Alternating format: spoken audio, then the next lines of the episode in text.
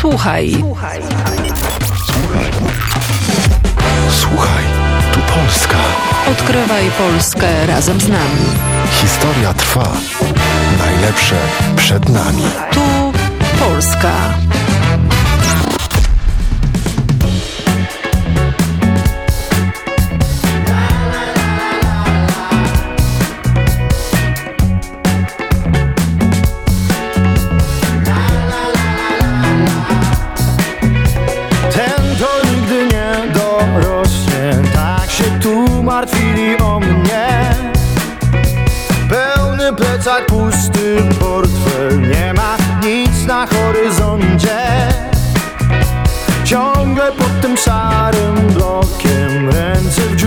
Dziurawych kieszeniach Łatwo było snuć opowieść o tym, że się nic nie zmienia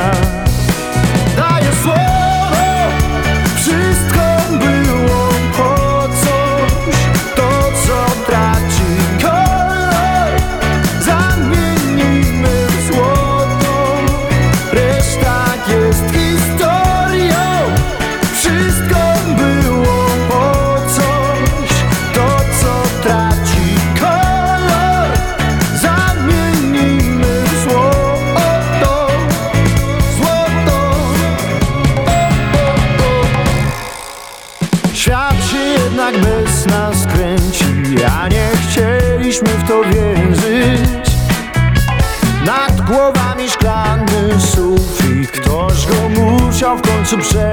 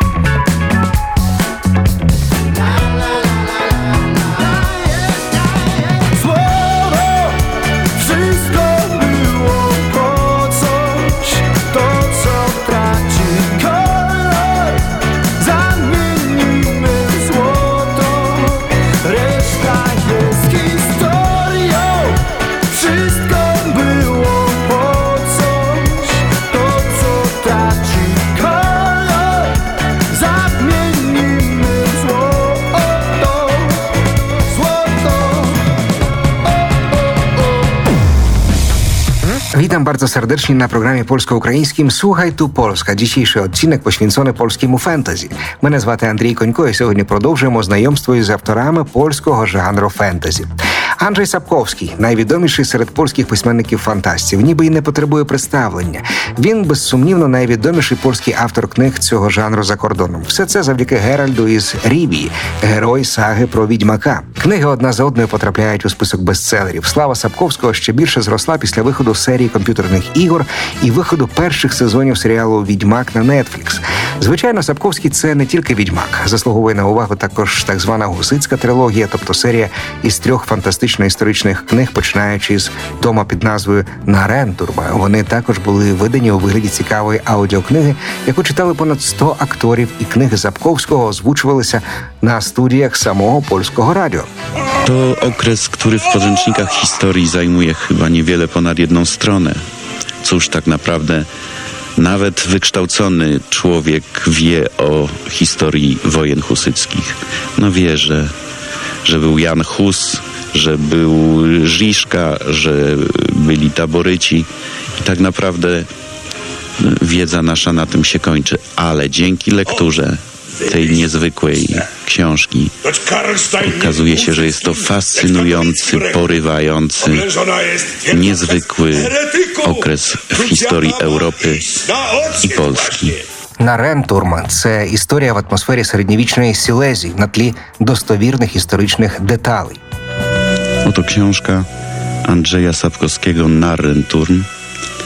Pasjonująca lektura, ale między lekturą a nagraniem zachodzi ogromna różnica, bo słowa zapisane, a wypowiadane przez aktorów to zupełnie inny świat.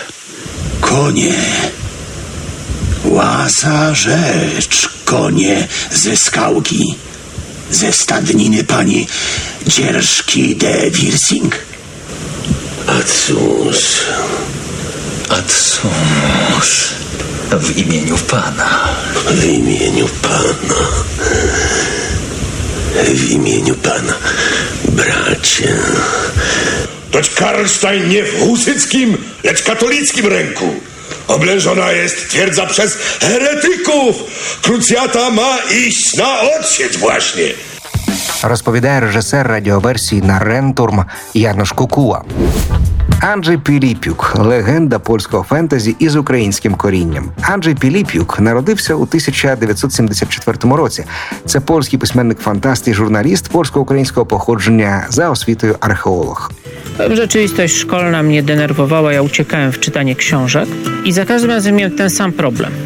Fajna książka, fajni bohaterowie, koniec. Pomyślałem, że jakbym był pisarzem, no nie dość, żebym wiedział, co było potem, to jeszcze bym to napisał. W dodatku wydawało mi się, że pisarze strasznie dobrze zarabiają. Czytałem przygody Tomka Wilmowskiego, Szklarskiego i tam na końcu były stopki redakcyjne i tam było, prawda, nakłady 200-250 tysięcy egzemplarzy. Jak człowiek zamknął książkę i zobaczył, że na okładce jest na przykład cena 67 zł i pomnożył to przez te ćwierć miliona, to wychodziły kwoty takie, prawda, bardzo, bardzo oszałamiające i stwierdziłem, oto są kwoty, o które mi chodzi w życiu. Tyle, że ja miałem 11 lat i nie jarzyłem, że jest coś takiego jak, prawda, koszty druku, marża księgarni, dystrybucja i tak dalej. Myślałem, że nakład razy to, co na okładce i to pisarz dostaje do kieszeni. Розповідає про свою молодість і мрії стати письменником Анджей Піліпюк. gdy byłem nastolatkiem, w zasadzie takim moim ulubionym pisarzem był Juliusz Werner. Tajemniczą Wyspę czytałem, nie wiem, z 7-8 razy. I pewnego dnia w bibliotece zobaczyłem, że mają biografię Juliusza Wernera. Przestudiowałem od deski do deski. Ona mnie utwierdziła w przekonaniu, że trzeba zostać pisarzem. Tam była opisana historia, jak on pisał te dwie książki rocznie z tego żył i kupił jacht i w ogóle. I dokładnie było odbicie tego, czego ja oczekiwałem. I najważniejsza rzecz. Umarł 20 marca, a ja się urodziłem 20 marca. Dla 13-letniego łebka myślącego o tym, że będzie pisarzem, a świadomość, że się człowiek urodził w dniu śmierci ulubionego autora, to był znak. Wodę dali swoją rozpowiedź Andrzej Pilipiuk. W lutym 96 roku się ukazało pierwsze moje opowiadanie w Feniksie. Powiedzieli mi, że mi zapłacą. Powiedzieli mi, ile mi zapłacą. Nie powiedzieli najważniejszego, że z wypłatą to nie mają takie poślizgi do dwóch miesięcy. W związku z czym ja tak, prawda, mniej więcej raz w tygodniu przychodziłem do redakcji dowiedzieć się, co do cholery z moimi pieniędzmi.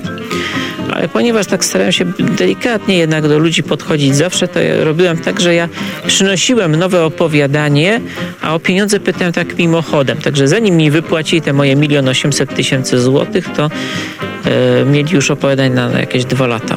Pierwsza wypłata milion osiemset tysięcy starych złotych, czyli 180 złotych na dzisiejsza. Za pierwszą wypłatę byłem już milionerem. Wziąłem te pieniądze i tak postanowiłem coś sobie kupić takiego, że było na pamiątkę coś konkretnego.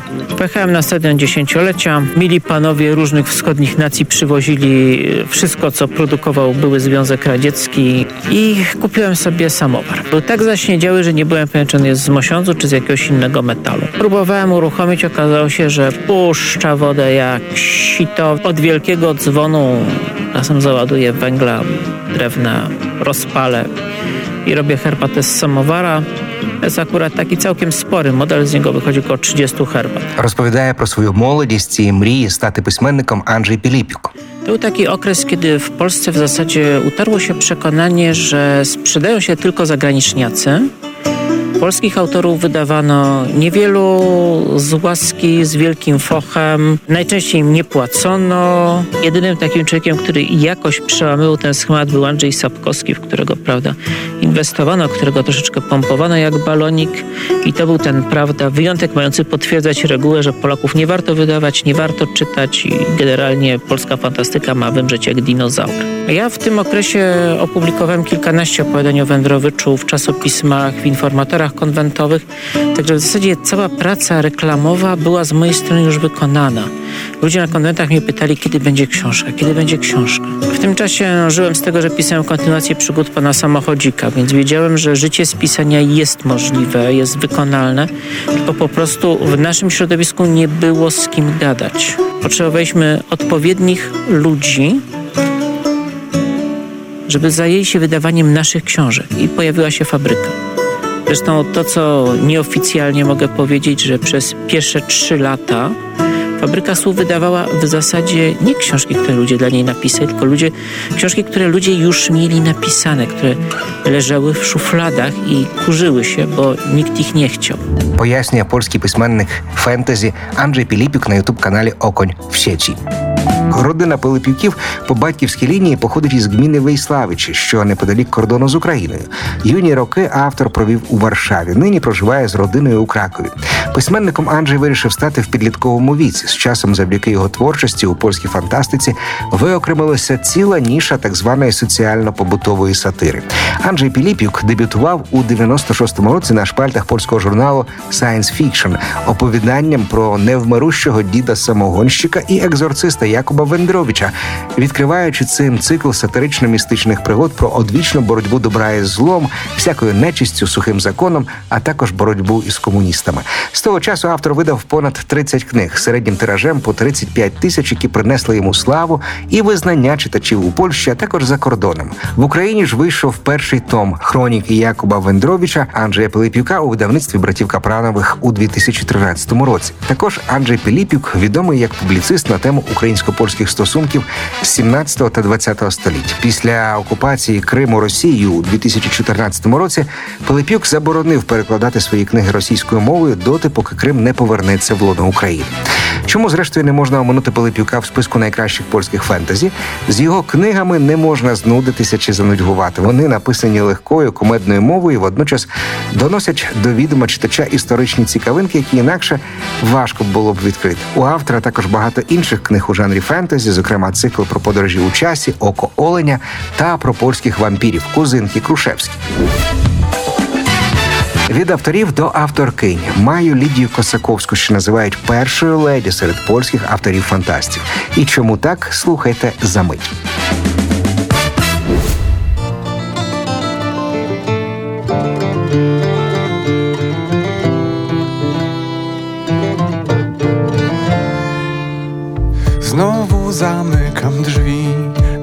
Przekręcam czwarty spust.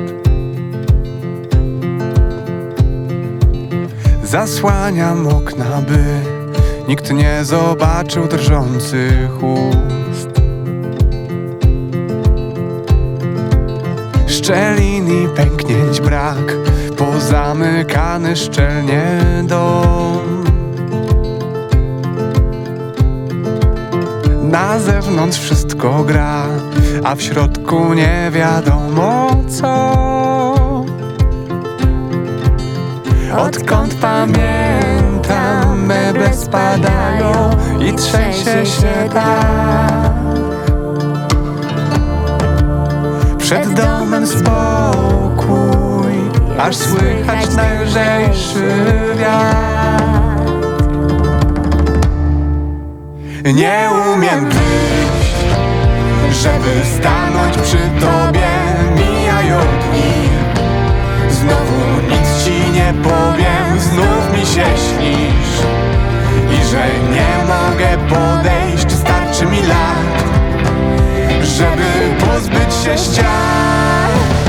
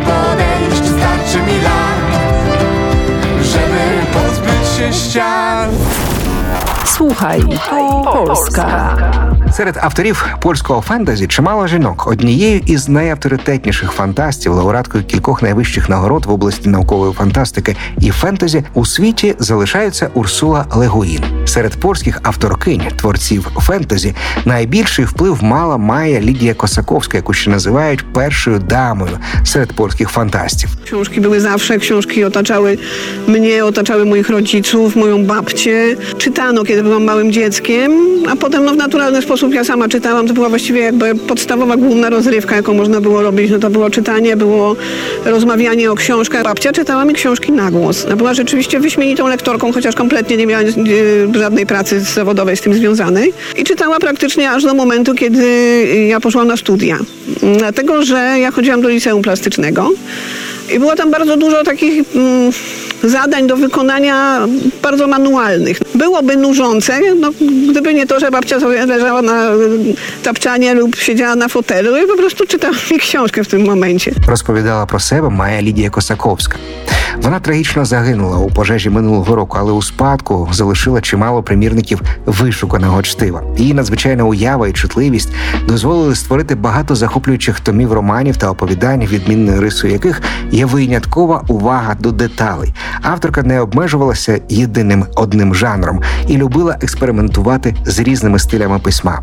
Найвідомішим прикладом творчості Майї Косаковської є серія Воїнство ангелів, головними героями якого є дивовижні ангели-люди, покинуті Богом. Przez pewien czas, y, kiedy byłam y, nastolatką, taką starszą nastolatką, y, marzyłam o tym, żeby zostać reżyserem. Mój tata uświadomił mi, że po co chcesz to robić? To nie ma sensu. To jest ogromne przedsięwzięcie, tam trzeba się użerać z producentami, z aktorami, e, trzeba ogarniać ogromną ilość ludzi. Przecież możesz po prostu usiąść i napisać te wszystkie filmy.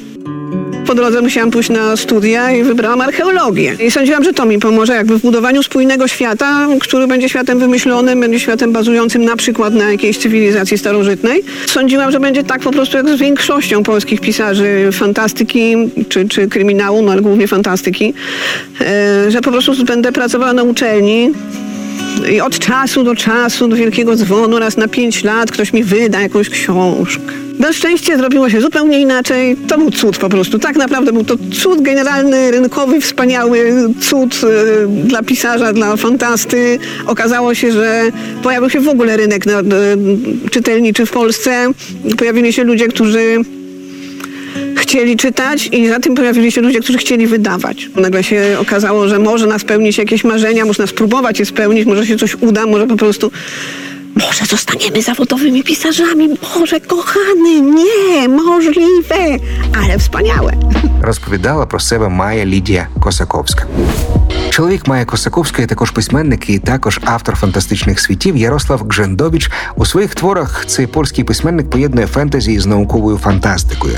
Найвідоміша сага Ярослава Гжендовича Володар крижаного саду, в якій переплітаються мотиви, характерні для фентезі та наукової фантастики.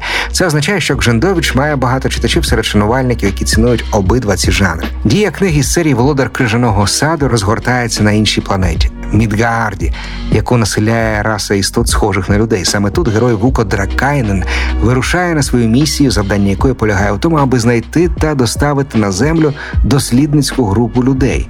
Так починається серія пригод, які заповнили сторінки чотирьох захоплюючих томів. Ярослав Гжендович також є автором багатьох захоплюючих оповідань і романів поза згаданою серією. Це однозначно науково-фантастична книга, яку варто прочитати. Ева Білоленська, представниця польських письменниць-фантастів для молоді.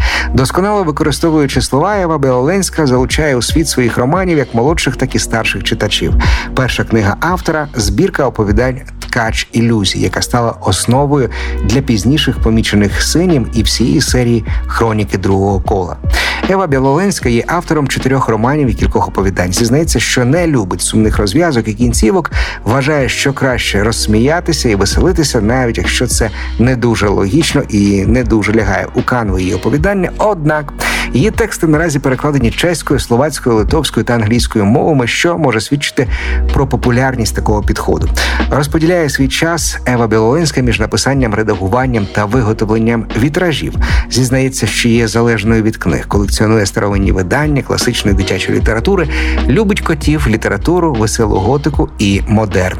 Чому Єва Білоленська варта того, аби додати її до списку найцінніших польських письменниць фантастів?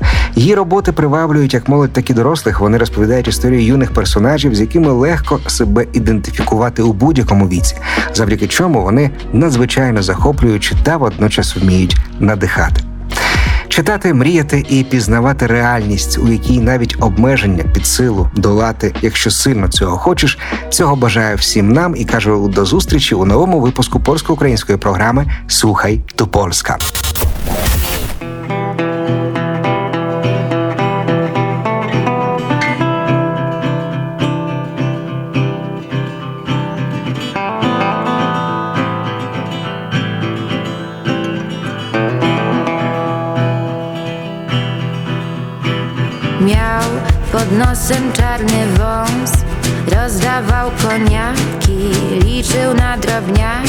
Ten błagający wzrok. Chciałby uciec stąd. Biegł, a wszystko to co miał To w kieszeni pyszny trunek I jeden